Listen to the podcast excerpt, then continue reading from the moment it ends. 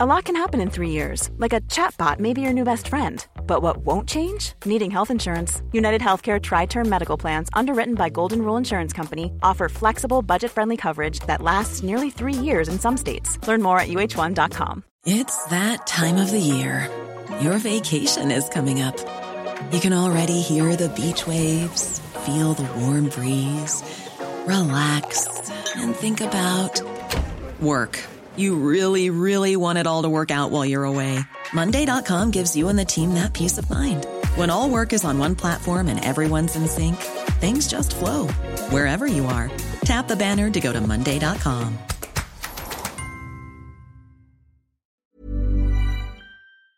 I denne episoden skal det handle om Marius, som har vært på tur med en gammel bil til utlandet. Og han skal holde styr på 13 andre biler som også har vært i utlandet. Dette er Mil etter mil, en podkast om bil hvor eh, det er tur som gjelder.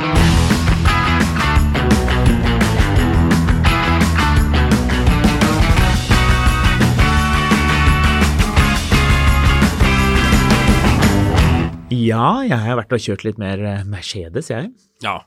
140-bilen. Oh, Ja. ja Det er spennende. det er ikke noe Neuwagen her. ikke noe EQE, rød EQE som ingen husker hvem som, hva som, hva den er, eller hvem som skal ha den. Nei, det er eh, ingen slike ting. Det er eh, god, gammel Mercedes. Mm. Jeg må si, jeg syns det er noe utrolig hyggelig med en god, gammel Mercedes. Sjokkerende påstand fra bilpodkasten her. Ja. ja, det er kontroversielle ting vi starter eh, med, men altså, vi skal begynne litt soft i denne podkasten. Kanskje folk har stått opp, kanskje de står med en baby på armen og er veldig trøtte, eller at man, eh, at man skal begynne å løpe i skogen, men man skal begynne litt rolig for man er sliten fra jobb, eller gud vet. Da er det deilig at man starter med noe litt mykt og snilt, som en stor, gammel eh, E-klasse Nei, eh, sa jeg E-klasse? S-klasse, mener jeg selvfølgelig. Jeg fant en gammel annonse på den bilen min. Mm. Og der så jeg, Marius, at det ikke var påskrift bak. Det står jo ja, oh, Det står nei. 300 SE på bakluken. Og vet du hva som finnes det noe mer irriterende enn når noen setter på eh, tall og bokstaver på bakluken på en sånn tysk bil hvor alt skal være korrekt, og så er det ikke helt korrekt. Altså på, på fabrikken så har de jo en sånn siablong som de bruker, setter på, og så setter de på skriften så det blir helt riktig på, på hver bil på fabrikken. Det er jo åpenbart. Og jeg har ikke lagt merke til at det ikke er riktig på min bil, men i og med at jeg vet at noen har ettermontert det, så kjenner jeg jo, da blir jeg litt redd for at det kanskje ikke er riktig, og at det er en Mercedes kondisør der ute som ligger bak meg når jeg lunter rundt på vinneren, og tenker aha, her er det noen som eh, har eh, satt på klistremerket ettertid. Men ellers har du ingen problemer. Ja, det er fortsatt en ulyd i bilen, hvis vi, hvis vi skal holde oss rent Det, du spesifikt ikke til bilen. der, da, å finne ut av den, fremfor om du finner ut hvor mange millimeter til høyre eller venstre denne 300-badget ditt bak skulle vært. Jo, og den ulyden Hvorfor gjør du ikke som alle andre rike, men ikke rike nok eh, nordmenn med Mercedes, og tar hårføreren og fjerner hvilken motor det er? Så folk kan lure Ja. på om det er en 300 eller ja, 600? Men hvis denne Mercedes-kondisøren som ligger bak og har et eh, kritisk blikk på min bakluke, hvis det er lov å si, eh, ser dette her og tenker hm, kanskje det er meningen at det skal stå litt skeivt. Det står ikke skeivt, men det, det kan jo hende at, at du, du vet liksom plasseringen i forhold til vinkelen og alt det der. Um, at man tenker at hm, kanskje det er en 600 hvor noen lyver ned bare for gøy. Litt som når noen har en Spoiler M5. alert, nå får du et ti minutter foredrag som forklarer deg hvordan du spotter om det er en 300 eller 600 når du ser den i trafikken når det ikke er badge bak, eller? Det trenger ikke det, for jeg vet jo det. Det syns for øvrig den diskusjonen om hvordan man spotter hver enkelt modell Det var noen som prøvde seg med Audi TT, fikk jeg på Instagram, og mente at, eh, at den um, um, Hva er det, en 1,8 TQ, og så er det et Quatro, eh, så er det 180 hester og 225 hester på den første, den med det baseball-interiøret. Audi TT. Jeg må, bare før du fortsetter, Ja. si unnskyld. For at jeg indikerer at du har for lite problemer. Ja. For det fins folk der ute som bryr seg om Audi TT og vet forskjellen på dem. Ja, men så spurte jeg da Det er et veldig godt poeng. Jeg syns jo det er hyggelig å få en sånn melding, selvfølgelig. Men så spurte jeg Var det det var første generasjon? og da kontret jeg med, for det var diskusjonen 180 hester versus 225 hester, og da er det to eksosere på 225 hester, greit nok. Etter hva jeg har forstått, iallfall. Uh, så spurte jeg da, men hva med 3,2 V6? Mm. Og det hadde ikke den personen tenkt på. Så der er- ble, der ble lytteren utmanurert, sånn er det. Og jeg tror heller ikke det er mulig å se forskjell på en 300 og en 600 bakfra, hvis ikke de har gjort et eller annet med lyktene, men det tror jeg ikke de har gjort på de tidlige modellene. Men det kan jo noen eh, sende en melding om hvis man er eh, ekstra interessert i det. Poenget mitt, det var ikke det jeg skulle snakke om i det hele tatt, det med badgingen. Og dette er veldig, et veldig kort resonnement hvor du bare kan si at du er enig, og det er girkasse, sånn gammel slushomatic som bare slusher seg gjennom alle girene, og du kjenner at det virker ikke som girkassen har noen lockup. Altså, en halvmoderne girkasse, egentlig alle girkasser, automatgirkasser med torque converter har jo en lockup, altså det vil si at man kobler sammen uh, motor og girkasser slik at den ikke bare bruker torque converteren til å overføre dreiemoment. Men du får alltid følelsen på de der gamle Mercedesene at den veldig sjelden gjør det. Og det er ikke noe galt. Ja, sorry, jeg er litt forkjølet. Det går fint. Du har vært forkjølet ganske lenge nå, du. Jeg har vært forkjølet mange ganger. Veldig hostete. Har små barn. Ja. Uh, har små barn, ja. Kanskje vi skal gi oss med girkasse... Nei, nei, for all del, det er ikke kjedelig. Men er du enig Ja. i at det er deilig når, når liksom du, du gir gass, og det er litt sånn touchy eh, gassrespons, det er litt sånn, litt sånn nice pickup, det er litt sånn når du gir gass og liksom, så skvetter den litt fremover. Deilig, jeg liker det. Jeg liker ikke når en Eller jeg liker veldig godt når en tung bil føles lett. Mm. Nå er jo ikke dette en, en veldig tung bil etter dagens standard, egentlig. Men jeg syns en, en tung bil som føles tung, eller en lett bil som føles tung, er jeg helt uinteressert i. Ja. Da må jeg skuffe deg og si at min S-klasse er tung og føles tung. Det gjør den. Ja, men den føles slapp. Det føles som du tråkker på gassen, og så skjer det ingenting før den nei, nei, ikke egentlig Nei, den, nei, den er litt sånn spretten. Du vet liksom, når du har litt sånn dreiemoment, det er vel rett over 300 newton i den motoren. Eller var i alle fall. 3,2 liter. Men det der med at du, du gir gass, og så går turtallet opp til sånn 2000, og så liksom så ligger det der litt, grann, nesten som om det er en sånn CVT-girkasse, og så girer den. Mm. Og det rykker litt grann, uh, når den er kald. Det er sjarmerende, det synes jeg er litt morsomt. Og så er det alltid gøy å følge med. Så jeg vet på et punkt på den lille reisen min, så slutter den å rykke. Den rykker jo alltid litt, for det gjør jo de gamle Merce-kassene, men, men litt mindre. Og det, det liker jeg også. Nei, det var bare en refleksjon rundt det, var egentlig det jeg skulle si. At det, det girkassegreiene er hyggelig. For de moderne biler er jo ikke sånn. De tråler jo gjennom en million gir. Åtte, ni, ti gir. Og for effektivitet så vil man jo låse, altså ha den lock-up-funksjonen så tidlig som mulig. Så moderne girkasser, liksom, de bruker en del sånn eh, De merker at det er mye som foregår inni, men det er ikke så smooth. Jeg tror liksom høyden av smoothhet var de fire- og femtrinnskassene, automatgirkassene. Litt sånn som på BMW-er at um, det ikke, det, det, det, giret jo ikke veldig kjapt, Mm. men det er veldig deilig. Mm. Når man bare cruiser rundt. Ja, altså litt av problemet med de gamle BMW-greiene har egentlig vært litt at du føler at du måtte liksom jazze de litt opp hvis motoren var for lav. Ja. Eh, Det er jo derfor det så altså Nå var jo det litt mer enn bare det, men forskjellen på E13 i 2 liter og den 2,5-literen som var 523 Jeg liker at du går rett dit, for det er det jeg skulle si. Fordi- Jeg skulle bare nevne E E39 520 i 150 hestekrefter med automat. Den var litt slapp. Ja, men den, men den var slapp med automat. Den var ikke så slapp med manuell. Det var det som var litt- altså sånn, Det er jo aldri noe racer, men, men 150 hester er egentlig ikke for lite hestekrefter sånn hvis du skal være litt, eh, litt edruelig. Så var det, var det egentlig Det var egentlig en veldig fin motor, men den ble slapp pga. girkassa. Mens den samme bilen med en 2,5 liter med 170, men nå ble det vel spekulert om den aldri hadde 170, men alltid minst 180 hester. Ja, det var den 2,5-literen, Ja. Ja. Eh, men det var ganske stor forskjell på, på de to bilene. I forhold til Mm, ja. i, i, Ja, ja, ja. Herregud, ja, det var stor forskjell på to liter 150 Og det var da man gjorde den 2,5. feilen. Tenke at ja, men 528, da må jo den være dobbelt så bra som dette igjen. Ja. Nei. Nei, det var den ikke. Det var 523i var liksom den hidden gem i lineupen. På, nå snakker vi pre-facelift. For de som ikke kan noen ting om halvgamle BMW-er, eller som ikke bryr seg, så må man jo bare tåle at vi eh, prater litt i vei om det. Fordi det, det, nå er vi liksom inne i materie. Mm. Og E39 er, det er, det er litt sånn hjørnestein av bilentusiasme, føler jeg. Så tenkte du ja, men jeg har en 528, en 2,8 liter med 192 hester. Mm. Så jeg gidder kjøpe faceliften som en 2,5 liter med 192 hester.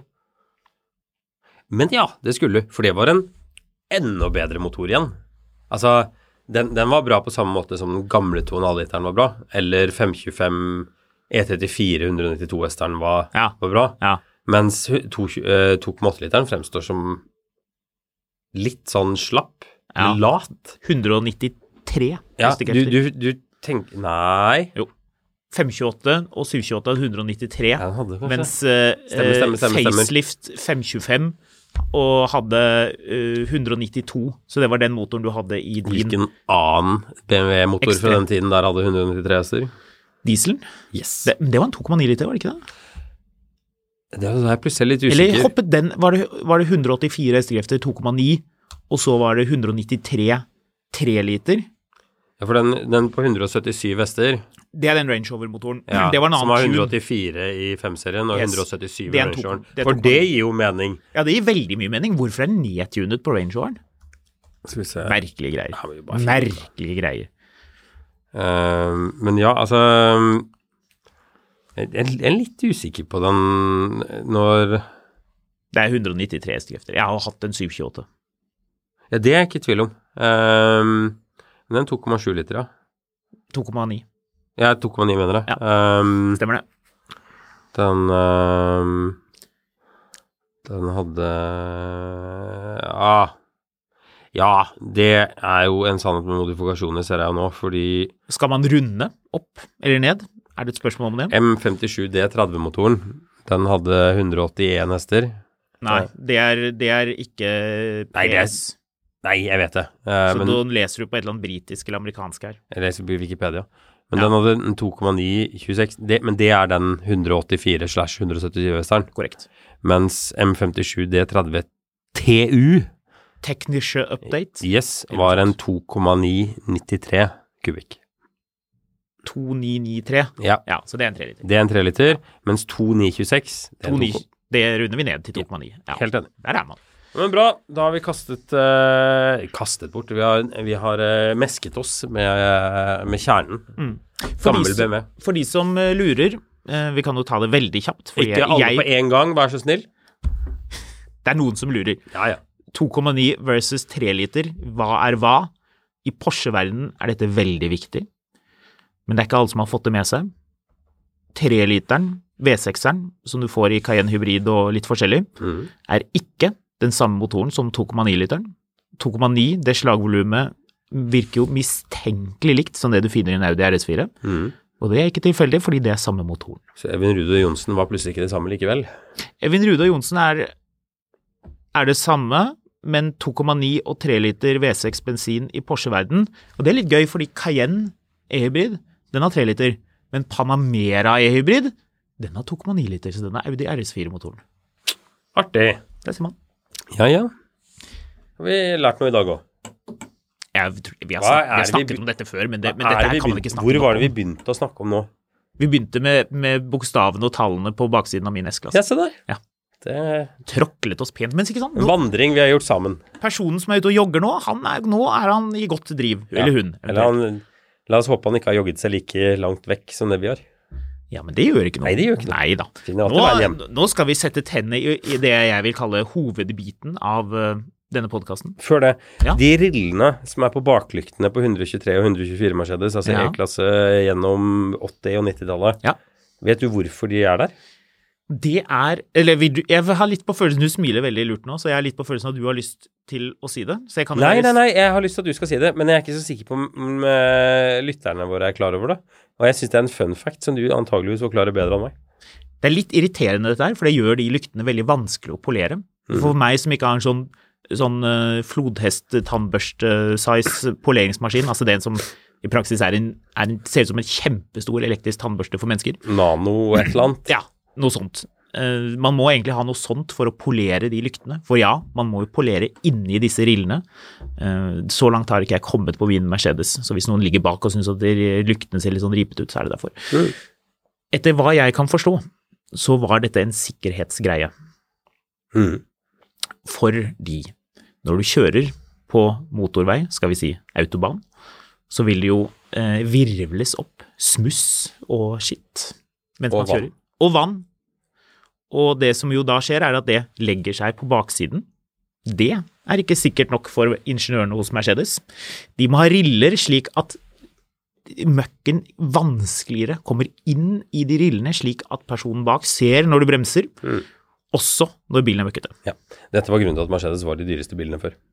Ja, at de holdt på sånn. Ja. Det, det, vet du hva? Det jeg syns er det rareste med dette her, er at på de senere modellene så kuttet de det jo helt ut. Mm. Så det var veldig viktig og sikkert da det var nytt. Mm. Men så, da eh, 220 Mercedes S-klassen og 210 E-klassen kom, da var det plutselig ikke så viktig lenger. Det syns jeg er rart. Jeg har lyst til å si at jeg antageligvis var tryggere på autobanen og bedre opplyst i 1999 enn i 1982. Kan være. Kan vi ta en siste liten refleksjon om den Mercedesen min, Mm. den S-klassen? Utvendig så ser den jo veldig lik ut som en E-klasse, Mhm. spør du meg. Enig? Mhm.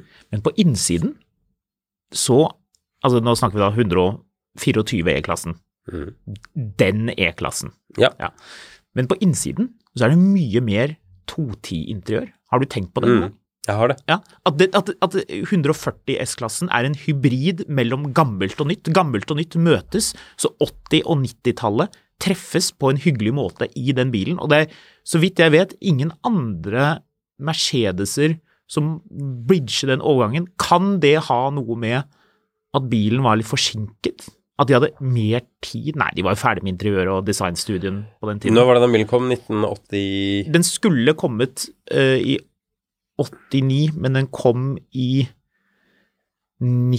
91, ja, var det vel. det, Men det er ganske langt mellom denne og 124. Det er jo kortere nesten til til totiden, eller til øh, Jo, totiden. Totiden kom i 94. Ja.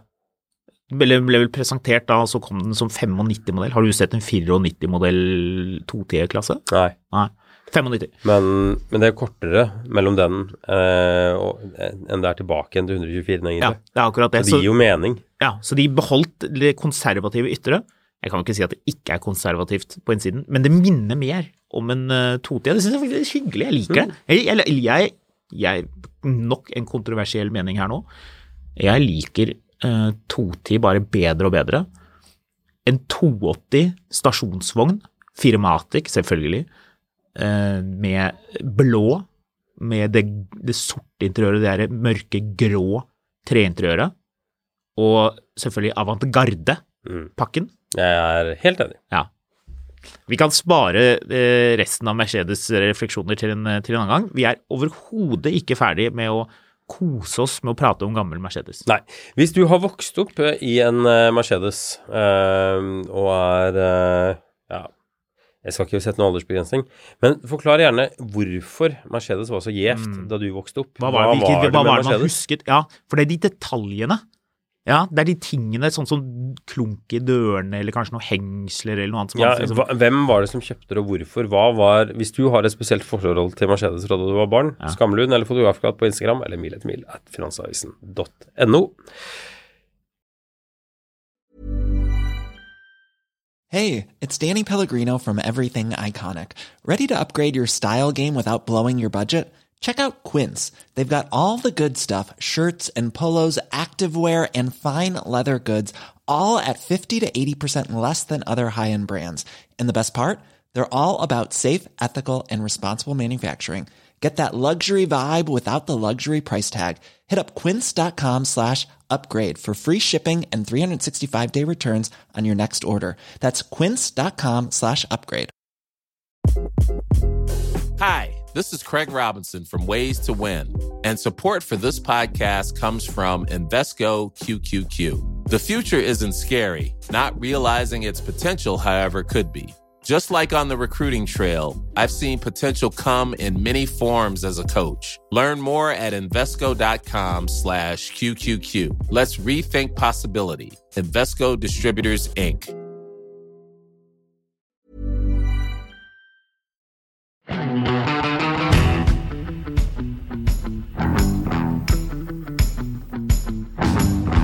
Da er vi klare for det jeg vil kalle indrefileten i denne episoden. La oss eh, sette tennene ned i det. Jeg har spist på en restaurant i helgen, Oh, der man fikk spørsmål om hvor mange gram trøffel man ville ha. mange gram. Nei, nei, ikke mange gram. trøffel. Du skal ikke ha for mye trøffel. Ja, men det som ble litt rart, syns jeg, var at servitøren ville ikke komme med noen sånn anbefaling. Og jeg, jeg er ikke så glad i trøffel, men det ble jo høyt anbefalt retten i seg selv. Mm. Så jeg tenkte ok, da gjør jeg det. Det er greit, for det var sånn Det ble servert mange lovord om denne retten med trøffel i, greit. Men hvor mange gram skal man ha da?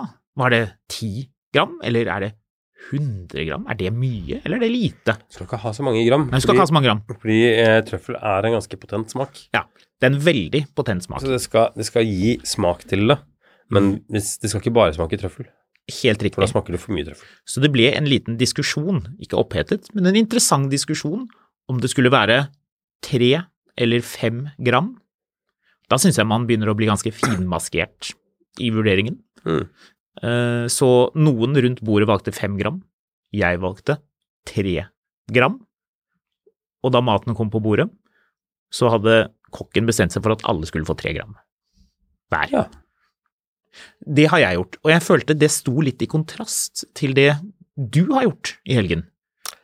Ja, litt, det kan man vel si. Ja. Så eh, Hva er det du har drevet med? det var ikke så mye trøffel. Nei, det var ikke så mye trøffel.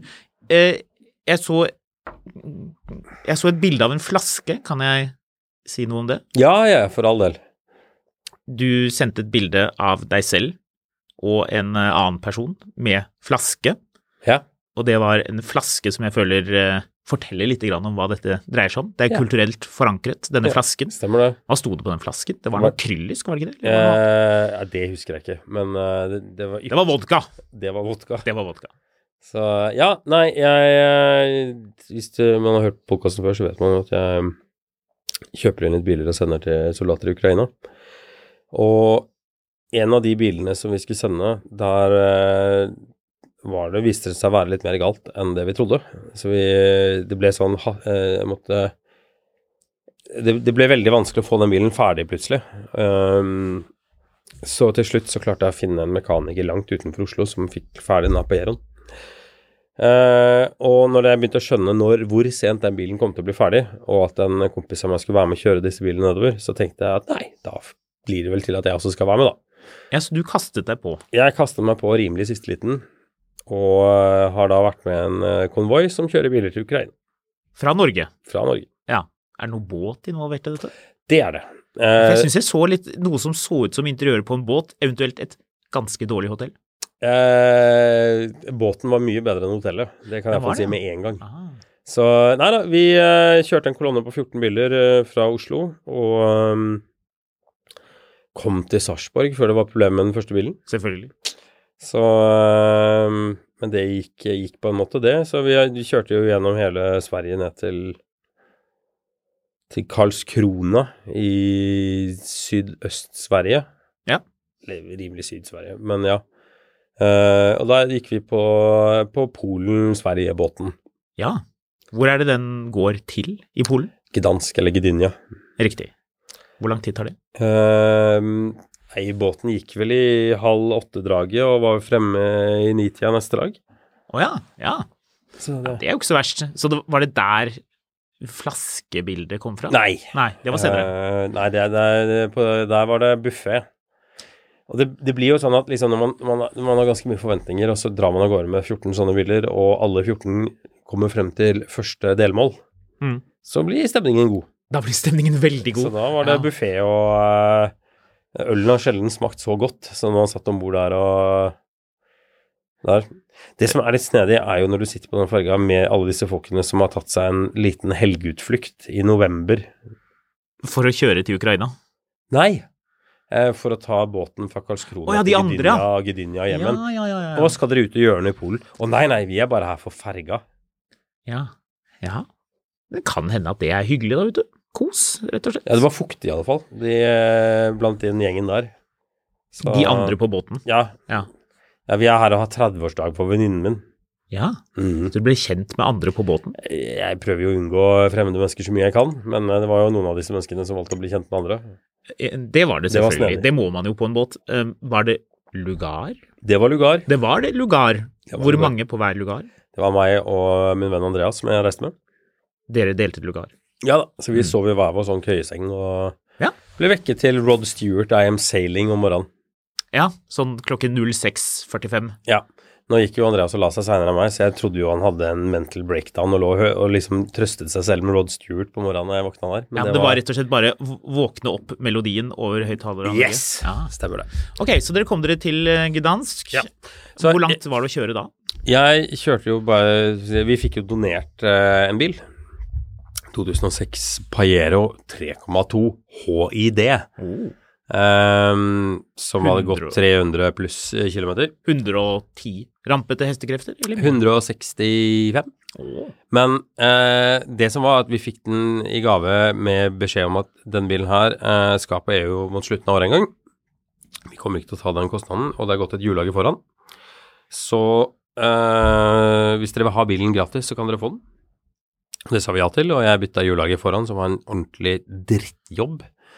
Eh, og bytta bakruta, eh, bakruta, som var en jobb som tok seks minutter. Ja. Så det var litt gøy. Men dette, dette var ikke på turen? Var Nei, det var før vi skulle dra. Eh, og så skulle jeg kjøre den en tur, og den bilen kjørte i sikksakk. Ja. Eh, og da tenkte jeg at dette er jo ikke bra. Det, var, det er aldri gøy når du kjører en bil, og hver gang den går over 80 km i timen, så sitter du med hjertet i halsen. Så det var da jeg måtte finne en mekaniker eh, som holdt i langt pokker i vold og var villig til å gjøre dette eh, på ettermiddagen, selv om den hadde stengt. Så han var ferdig med bilen klokka ett på natta, eh, og jeg henta bilen i Gokk klokken 07 om morgenen. Så da har jeg jo da dratt av gårde med en bil som kvelden før hadde vi funnet hadde brukket en fjær bak, en seized caliper bak og et hjullager som var så løent at hjulet holdt på dette av. Mm. Topp. Eh, av gårde med dette, så du sitter jo litt og Liksom, hver gang det er et eller annet som skjer på veien i, gjennom Sverige, så sitter du der med sånn hjertet litt i halsen og bare Ehm, Så når vi kom til, det, eh, til Gdynia, så var vi i gang, men da hadde bilen liksom Det er tydelig at den bilen har vært småkjørt mye. Den har satt seg litt. Ja, så da er- den liksom, den den liksom fått, fått frisk luft Ja. i lungene og begynt Ja. å gå skikkelig fint og kjøre veldig bra. Eneste problemet, det var at eh, den, hver gang du blinker, så istedenfor å si tikk-tokk, tikk-tokk, tikk-tokk, så sier jeg tikk-tikk-tikk-tikk-tikk-tikk-tikk-tikk. Det er vel neppe et problem når du er soldat i Ukraina. De skal vel kanskje ikke blinke så mye med Det er et problem når du skal kjøre på den polske motorveien, og du ikke har blinklys, eh, fant vi ut. Ja. Så jeg stoppa og bytta pære venstre bak, og da hadde vi blinklys venstre bak. Ja. Og så skulle vi bytte høyre bak, men trengte en skrutrekker, så stoppa vi med den andre bilen som drev og stoppa litt hele tiden. Den stoppa for å gå over den og, og stramme noen jordingspunkter og litt sånne ting for å se at ting funka. Så vi reparerte den bilen, og så, når vi skulle fikse eh, blinklyset bak på den Pajeroen, så kortsluttet vi reléet til blinklysene. Ja, Så- ikke med vilje. Så når vi stoppet, så hadde vi fem blinklys, og når vi startet, så hadde vi null. Ja. Så da måtte vi kjøre i uh, følge med en annen bil, fordi po uh, polakker, de har et litt sånn antagelig forhold til at du kun skal kjøre forbi på venstresida. Så hvis de syns du kjører for seint, så begynner de å kjøre forbi på høyresida. Mm. Og da er det veldig greit å kunne vise med blinklys at du, ja da, jeg legger meg inn, så ikke kjør forbi på innsiden før jeg har lagt meg inn. Mm. Så da måtte vi kjøre i følge med en annen bil, sånn at hver gang de, vi skulle ut, så måtte de legge seg ut først, og når de la, uh, så måtte vi vente til, eh, så måtte vi legge oss inn, og så la de seg inn. Så vi kjørte sånn i tandem i 140 gjennom Polen. ja. Så Ja, for de gikk så fort, disse bilene. ja, noen av de gikk til og med fortere. Men andre på veien, de skjønte liksom ikke at 14 gamle, rullemalte, grønne offroadere, at de hadde noe med hverandre å gjøre? At man kanskje ikke De- prøve å kjøre forbi? De var ganske spredt, eh, Ja. fordi noen eh, tenker at hm, eh, 15 år gammel Pathfinder, den, den går i 160 hele veien til mål. Eh, og noen hadde fått utdelt en 99 Hyundai Galloper med 99 hester, Riktig. som går i hvor mange kilometer? Det ligger et clou i hvor mange hestekrefter den har. Riktig. Den går i 99 kilometer i timen. Så du ofret ikke deg selv som da en som organiserer dette her, ved å ta den dårligste bilen selv? Eh, jo, Du gjorde det? altså jeg var jo Eller jeg tok den bilen jeg visste minst om den tekniske tilstanden på. Oh, ja. Men med den største motoren. 161 Eh, hestekrefter. 3,2 liter. Ja. Diesel firer, da. Ja. Det er tøff lyd, da. Ja, ja. Den er, særlig når, du, når den fikk den olja den skulle ha. Det mangla iallfall en liter der før vi skulle dra. Ja, Da- ja du sjekket det, ja. Ja, ja. Ja, ja, lurt. Ja. Så altså, alle de andre bilene har vi jo gått over veldig godt. Uh, nå har jeg drevet i, før jeg gikk i sendinga her og, og snakket på WhatsApp med et uh, verksted i Kyiv som går over bilene en siste gang før de skal ut. Og de har stort sett bare funnet småting på de aller fleste bilene. Um, men, uh, men den Pajeroen var Jeg fikk jo han mekanikeren til å se over om det var noe annet vi burde gjøre, og det mente han var nei. Men liksom likevel, du Jeg syns det var greit å kjøre den selv. Også fordi eh, den bilen hadde elektriske seter foran. ja, du skal justere mye på setene mens du kjører. Eh, ja, ideelt sett så skal jeg jo det, men det fordrer jo at begge to funker. Ja. Det gjorde de jo ikke. Det gjorde de ikke. Nei. Så førersetet, det hadde den deilige posisjonen riktig i ryggen og i avstand til rattet, både for meg og min eh, medsjåfør. Ja. Men eh, av en eller annen grunn så likte de som innstilte det setet sist, å ikke ha noe lårstøtte. Å ja. Så de har stilt setet helt ned i front. Ja. Eh, det problemet hadde vi heldigvis ikke på passasjersiden, for da kunne du justere opp og ned på lårstøtten. Men ikke noe annet. Og eh, det setet lå jo i sånn skikkelig sånn rånerstil. Ja, så Det var jo flaks, det, da, Så du, du satt Skal vi se om jeg får det til på den Skal vi se For de som ser på. Du satt sånn. Så du satt sånn med, med ett bein på dashbordet hele tida for å sitte behagelig. Men du, Marius, Ja. Det er jo sånn du liker å sitte i passasjerstolen. Ja, ja. Så, Så, det, så dette, dette høres ut som egentlig var en veldig gøy tur. Men det var dritgøy. Uh, og stress. dere Ja, litt stress var det selvfølgelig. Men uh, stoppet dere og spiste lunsj sammen på vei nedover? Nei. Kjørte dere i ett strekk fra der fergen stoppet, og dere begynte å kjøre? Ja, vi var jo følgebil bak sammen med den andre, så vi kjørte passa på å ligge bak alle andre. Problemet er når alle skal kjøre på Google Maps, og noen er litt sånn mistroiske til Google Maps, Selvfølgelig. eller har aldri brukt Google Maps. Oh, ja. Så de ene, ene bilen, den var jo Der vi kjørte tvers gjennom Polen, så tok de en detour via eh, venstresiden av Polen eh, før de krysset over. ja. Så de var på vei inn i Tyskland? De har vært så inne i den pol de polske skogene Riktig. at eh, jeg er lettet og glad at de kom frem. Ja. Vi prøver jo alltid å sørge for at alle bilene kjører to og to, sånn at liksom hvis noe skjer, så, så lar det seg løse. Men eh, det er vanskelig når, eh, når noen ikke titter så mye på Google. Men det, det, gikk, det gikk bra, altså. Hvor si. langt var det å kjøre fra, fra fergen uh, stoppet? Altså gjennom For det er gjennom Polen, og så er du i Ukraina?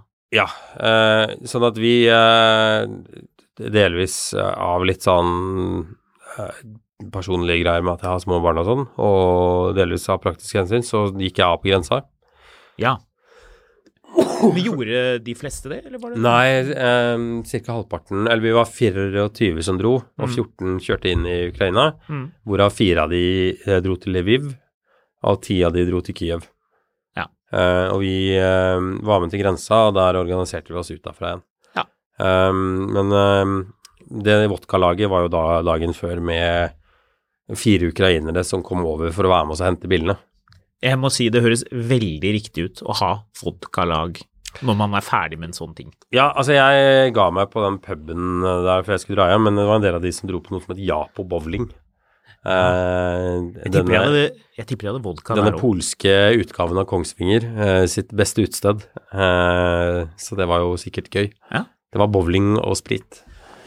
Men eh, Nei, altså det, det er jo ganske intenst. Eh, jeg merker jo for min del, jeg har brukt sinnssykt mye tid i høst på på å kjøpe biler og få det klart osv. Så videre, sånn at når det kommer frem, så er jeg jo veldig letta. Mm. Dere har fått en del penger, har dere ikke det? Jo, jeg har fått inn veldig mye penger. Eh, veldig mye småbeløp som blir store beløp når Mm. mange støtter opp om det. Ja. Og Så egentlig så er det er vel ikke noe beløp som er for lite, Nei. egentlig. Nei, og så er det sånn, det er jo litt sånn, jeg fikk tilsendt en video her i stad, og da er det en dame som har gått forbi når alle bilene står på vei inn på verkstedet, Mm. og spontant blir med på en video hvor hun forteller at liksom, det her betyr veldig mye for dem, og man, mannen hennes døde fordi de ikke hadde en bil til å evakuere han med. Ah, ja. Um, men det er klart at det, det gjør jo litt inntrykk. Mm. Så det er veldig gøy å få lov til å være med på der. Ja, det, det høres jo veldig morsomt ut. Skal, for bilene bli levert direkte til det ukrainske forsvaret? Uh, ja, det blir levert Altså, Forsvaret fungerer jo litt sånn som en blanding av Forsvaret og Heimevernet. Ja. Altså hver bataljon er på en måte litt left to own devices. Så eh, vi har Vi hadde jo med hun som var fungerende ambassadør til Norge fra Ukraina i en av bilene. Mm. Og hun har annet en bataljon som hun kjenner som skal ha den ene bilen. Ja. Og så har vi det, det er jo typisk sånn at du blir kjent med folk der nede som som har eh, folk de er glad i, som er i krigen, Mm. og som har bruk for en bil. Mm. Og som altså Vi er avhengig av at, at liksom sånn Det er jo ikke ehm, Det er jo ikke til å komme unna at, at det er mye korrupsjon i Ukraina fremdeles. Og det er mye av de folkene, når man ser på, på Facebook og når folk legger ut biler Det kan være greit å være oppsom at veldig mange av de som kjøper disse bilene, kjøper de jo for egen vinning, for å selge det dyrt i Ukraina. Um, under påskudd at de skal hjelpe Ukraina, og så tar de med bilene ned dit og selger de for en høy pris til folk som er desperate etter å få tak i en bil. Ja, så dere må være litt påpasselige med hvor disse bilene går. Ja, de er så vi, vi har et nettverk der nede som sørger for at de bilene kommer frem til folk som genuint trenger de. Men det er også litt av grunnen til at, for at vi rullemaler de. Ja. Eh, eller rullemaler, vi maler i alle fall, men de, eh, Grønne. ja, de males militærgrønne. Mm. Sånn det skal være åpenbart hva de skal til. Så ikke det blir noe tull der med at liksom vi leverer en bil, og så er, bare, er den på det polske Finn på mandag, liksom. Hva heter eh, For det er, en, er den organisert som en veldedig organisasjon? Hvordan er det der? Organisasjonen, ja. Uh, Ukrainian Freedom Convoys. Ja. Så, um, så det er jo gøy. Jeg har jo med litt sånne Hatt med litt profilerte folk. En, uh, eiendomsmegleren Anders Langtind, Anders Langtind var med å kjøre en av bilene. Uh, Nicolai Grove, som er en sånn eh, bjellesauinvestor, kjørte en bil. Vært med litt forskjellige typer. Mm. Så, um, med folk som tydeligvis brenner veldig for dette her og har veldig lyst til å bidra. Så det er kult. Det er bra, det. Mm. Så, og så er det gøy. Det er, jo, det er jo det vi prøver å si si til folk, at, det er lov til å være med på dette her og føle at det er en guttetur og ha det gøy med det. Ja, så dere trenger folk til å kjøre, på en måte? Ja, du kan ikke bare sitte i bilen og kjenne på gravalvoret. Mm. Um, og det, det gjør man når man merker ukrainerne, og de har jo en fantastisk uh, sort humor. De, de har litt humør. Det er ganske beksvart. Ja. Så, um, så det er på en måte ikke um, Det er ikke til å komme fra at liksom vi, vi er avhengig av at, av at folk syns det er en opplevelse å være med på det her også. Mm. Men det skal være flere konvoier øh, neste år? Eller i år? Neste år blir det vel Jeg kanskje? tviler på at det blir i år. Det Ja. blir nok på nyår en gang.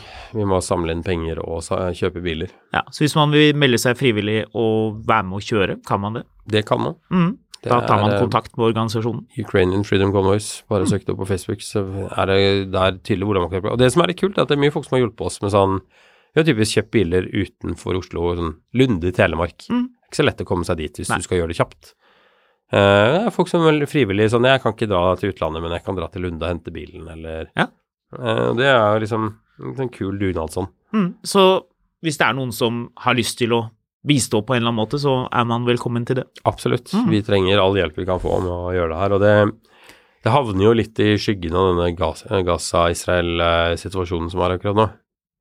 Men krigen i Ukraina er like, like dramatisk og vanskelig for de folkene som er i den, selv om det har oppstått en, en diger krise et annet sted i verden også. Mm. Så sånn sett er det. Så Men jeg skal ikke kjøpe mer Nissan X-Trail. Det er ikke en bil egnet for krig. Den bilen vi hadde med oss ned, den eh, var løen når vi Den kom var løen, løn, ja. Kan jo ha noe med prisnivået Det kan jo hende at en Nissan X-Trail som hadde vært tre år gammel, ville være en ok bil. Mm, nei, skal være helst rammebil og høy- og lavserie og diesel. Ja, for X-Trail er jo selvfølgelig ikke rammebil, nei. Oh, det er jo egentlig en sånn crossover. Ikke har den høy- og lavserie heller. Nei, nei, så ikke det. Det så- er jo hakket over en XC70 i eh, terrengegenskaper, liksom. Men det er sikkert noen som lurer, hva er den beste eh, Kall det Ukraina-bilen, da. Altså for dere den beste bilen å sende ned, eller den bilen de eh, forsvaret i Ukraina aller mest har lyst på, hvis de skulle velge fritt. Aller mest har lyst på, det er Land- G63 oppi det ja, nei, det er, det er Land Cruiser og Hilux. Ja, Men de er jo stupid dyre. Ja, de er dyre. Så de bilene jeg stort sett bruker tid på å leite etter, er Pajero og, og Ford Ranger. Ford Ranger er ok. Ja, Ja, eller den, den Mazda-varianten av den Ford Rangeren. Ja, hva heter den? Uh. Skal vi se uh, men så er det mm, Var det ikke en Suzuki også som var litt ok å bruke? Kanskje Jo, Suzuki sånn XL7 er også helt knall. XL7, ja, for det er rammebil med, med diesel BT50 heter den. og lavgirserie. Eller kjøpte dere noe med bensinmotor? En V6-er? Det er ganske vanskelig å få tak i bensin i Ukraina. Så diesel, Ja, de vil ha diesel. Ja, Ja. diesel er det du får tak i. Ja. Så det er det du har. Og så um, Men jeg tror det er eh, Jeg mener det er BT BT50 heter den der Range, Mazda Rangeren. Okay. Så, men de er helt knall. de er fine.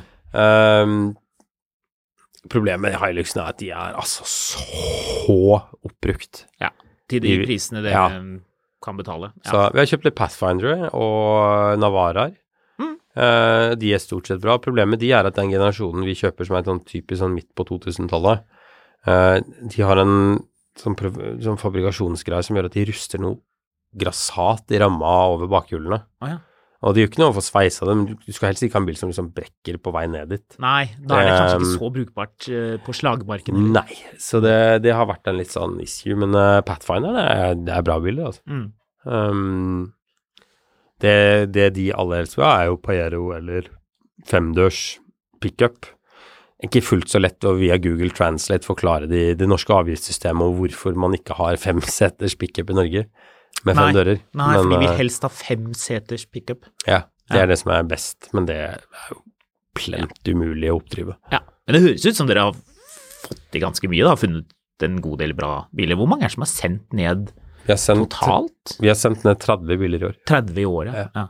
så, um, så det er kult. ja. Så neste, neste konvoi blir til våren, da?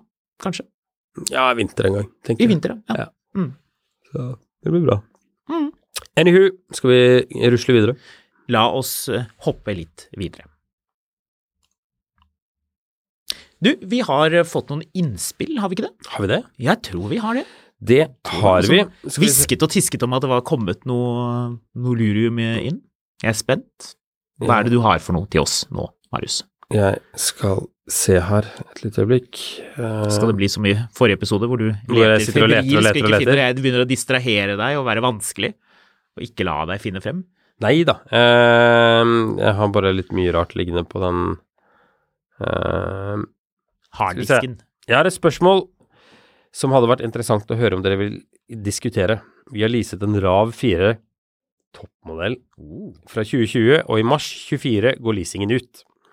Veldig fornøyd med bilen, men kjenner på et kall og vil mest sannsynlig ha ny bil. Så da er spørsmålet bil med god plass for familie på fire. SUV er kjekt, men også stasjonsvogn er gode ting. Jeg har vært gjennom ti forskjellige merker siste måned. Alt fra flunka ny Xpeng Geni til Audi A6 Allroad 2013-modell. Budsjettet flyter litt, men vel egentlig ikke så mye høyere enn 500 K. Kanskje vi skal lease på nytt? Bensin eller diesel? Man kan jo kjøpe en bensinbil til 300 K 1314-modell og kjøre ganske mange mil før man har fylt bensin nok ganger til at det kommer opp i 600 K for en elbil. Det er sant. Hva tenker du? Du skal bytte ut rad 4-en din. Ja, vi begynner der. La oss nå i alle fall få gjort det. Nei, um... Listen er lagt skyhøyt. tja Dette var ikke så lett, fordi det var jo ganske sånn sprikende. Her kan man jo foreslå mye forskjellig. Skal jeg begynne? Ja. Første generasjon Audi RS4 2,7 biturbo quattro. Boom. Gul med blått interiør. Får du ikke for 500 000. Gjør du vel? Det gjør du ikke. Gjør du ikke det? Nei. Ja, det gjør man vel så vidt. Året er ikke 2013.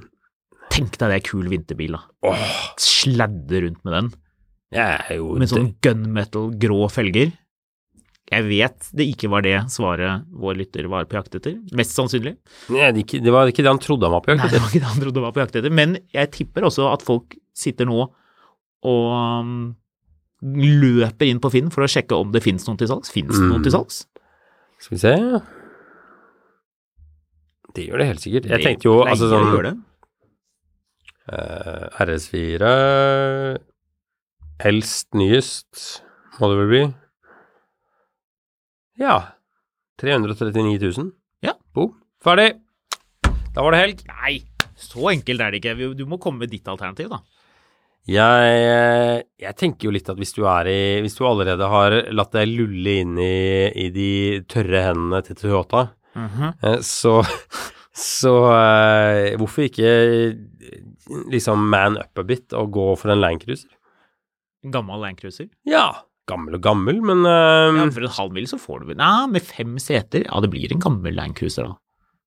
Hva får du for, eh, for en halv mil, da? Ja, Det prøver jeg å finne ut her. Problemet er at du får det med, med to seter, men disse krevende folka vil jo ikke ha hund, eh, barna i hundebur baki, så da må vi finne flere seter. Men jeg er enig. Svaret på ethvert spørsmål er jo Landcruiser, stort sett. Altså, jeg tenker iallfall hvis, du- hvis du er komf med liksom den den verden der Ja, du får en 2014-modell for 500. Ja. 3 liter, 190 hester. Ikke det der du skal være, da? Jeg tror det er litt eh, der man skal være. Eh, hvis man er glad i å ligge våken om natten og bekymre seg for luftfjæring, så Mhm. kan man gå for en 2018 Tesla Model X. 380 000 kroner. Da har den gått 85 000 km. Hva hadde du sagt hvis jeg plutselig kom på jobb en dag og hadde kjøpt meg en, en sånn eh, Landcruiser 200? Altså en sånn V8 fra 1998. Jeg tror jeg hadde gitt deg en varm klem. Det er en utrolig kul bil. Ja, Det er en utrolig tørst bil, i don't say. motsetning til mitt eh, RS4-forslag. Ja, ja. 2021 eh, BMW iX3 fully charged, skinnpanorama headup ACC Keyless pluss pluss pluss, 489 000 kroner. Det er nesten ny bil her. Bavaria Gardermoen som frister med denne sorte og ganske ordinære X3-en. Det er jo ikke firehjulsdrift på den bilen, dessverre. Men um, det kunne jo vært noe. hvis du skal kjøpe elbil nå, så skal du kjøpe nyere brukt. Du skal ikke sette deg ned hos forhandleren og liksom tegne kontrakt på en bestilling. Du skal stikke og skvise noen som har Ja. eh, trodd de var lurere enn alle andre, og her sitter og blør penger. Ja, det er, øh, man, man må passe på så man ikke betaler for mye. Ja. Du, husker du vi diskuterte, det begynner å bli en stund siden, Kia. Hon Honky begynner å bli billig nå. Nå er det 7000 i måneden for å lease den. Ja, og det er jo en svær bil. Ja. Mm, Men det ryktes at det er en god del issues med en del av de. Ja, det er vanskelig med deletilgang. Så jeg tror ikke jeg ville sagt det uansett. Men ja, hva var det du sa for noe? Jo, vi, for en god stund siden diskuterte vi Kia Sorento og prisen på den. Vi fikk en eller annen mail om at vi hadde tatt feil av prisen, men så sjekket vi det ekstra grundig, og så hadde vi ikke tatt feil av prisen. Ja, det var den Fikk- som var drita dyr, og så hvis du kjøpte den ett år gammel, så fikk du 300 Ja, ja. 000 i rabatt eller noe sånt. Ja, Teknisk Byrå er det et eh, firma som heter, tydeligvis, selger en Kia Sorento uh, plug-in hybrid Active Skinnint. Vet ikke hva det betyr, men det er sikkert bra. Skinint? Skinint. Skinnint. Skinninteriør. Men det er Active skinint. Å ja. Eller kanskje bilen heter Active og ja har jeg skinnint. tipp, tipper at ikke det er et aktivt skinninteriør. Antageligvis ikke. 2021-modell, gått 34 000 eh, km. Mm. Vil du gjette hva den koster? 514 000 kroner. 549 000 kroner. Hæ? Så 514 etter pruting, pruting, Ja. Det er jo mye bil for pengene. Ja, det jeg kunne si. Her er det lang garanti, 58 måneders garanti. Det er en fin bil òg, den Kiaen. Ja, for 549 så er det mye bil for pengene. For 947 000 eller hva det var for noe, ikke så fin bil. Da er den for dyr. Men Var det det den kostet, den Nei, den var dyr, altså. Ja. Så det var jo det som var problemet, var at den bilen ble kjempedyr av de norske avgiftene, vel å merke. Så, Hvis man øker budsjettet litt, så får man en Audi RS Q8. Altså den med 4 liters twin turbo bensinmotor. Man må Ja. øke budsjettet ganske mye. Glem den. Da skal du opp ganske mye. Ja. Uh, du, jeg, det var vel egentlig det um, Jeg føler vi fikk et annet uh, forslag her med om vi kunne snakke om billige pickuper. Um, Men det tror jeg ikke vi skal, for nå begynner vi jo for alvor å gå tom for tid. jeg tenker at vi er, eh, er ferdig for i dag, jeg. Jeg tror vi er fornøyde. Ja, Ja, tenker det. si det. Så høres vi neste uke. Jeg eh, skal ut og reise lite grann, så mm. neste episode blir kanskje mens jeg er på reise. Det blir Mil etter mil, en podkast om bil fra Nord-Korea. Kanskje ikke Nord-Korea, men eh, ikke så langt unna heller. Bu!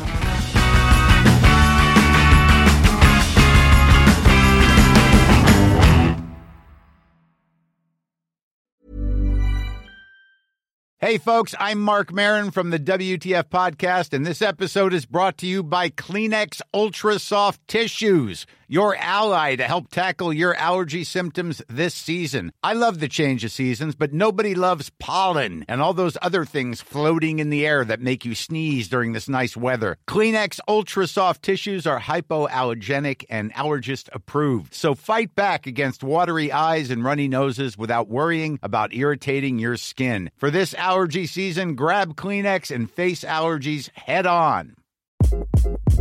Hi, this is Craig Robinson from Ways to Win, and support for this podcast comes from Invesco QQQ. Invesco QQQ is proud to sponsor this episode and even prouder to provide access to innovation for the last 25 years. Basketball has had innovations over the years too. We're seeing the game played in new ways every day. Learn more at Invesco.com slash QQQ. Let's rethink possibility. Invesco Distributors, Inc.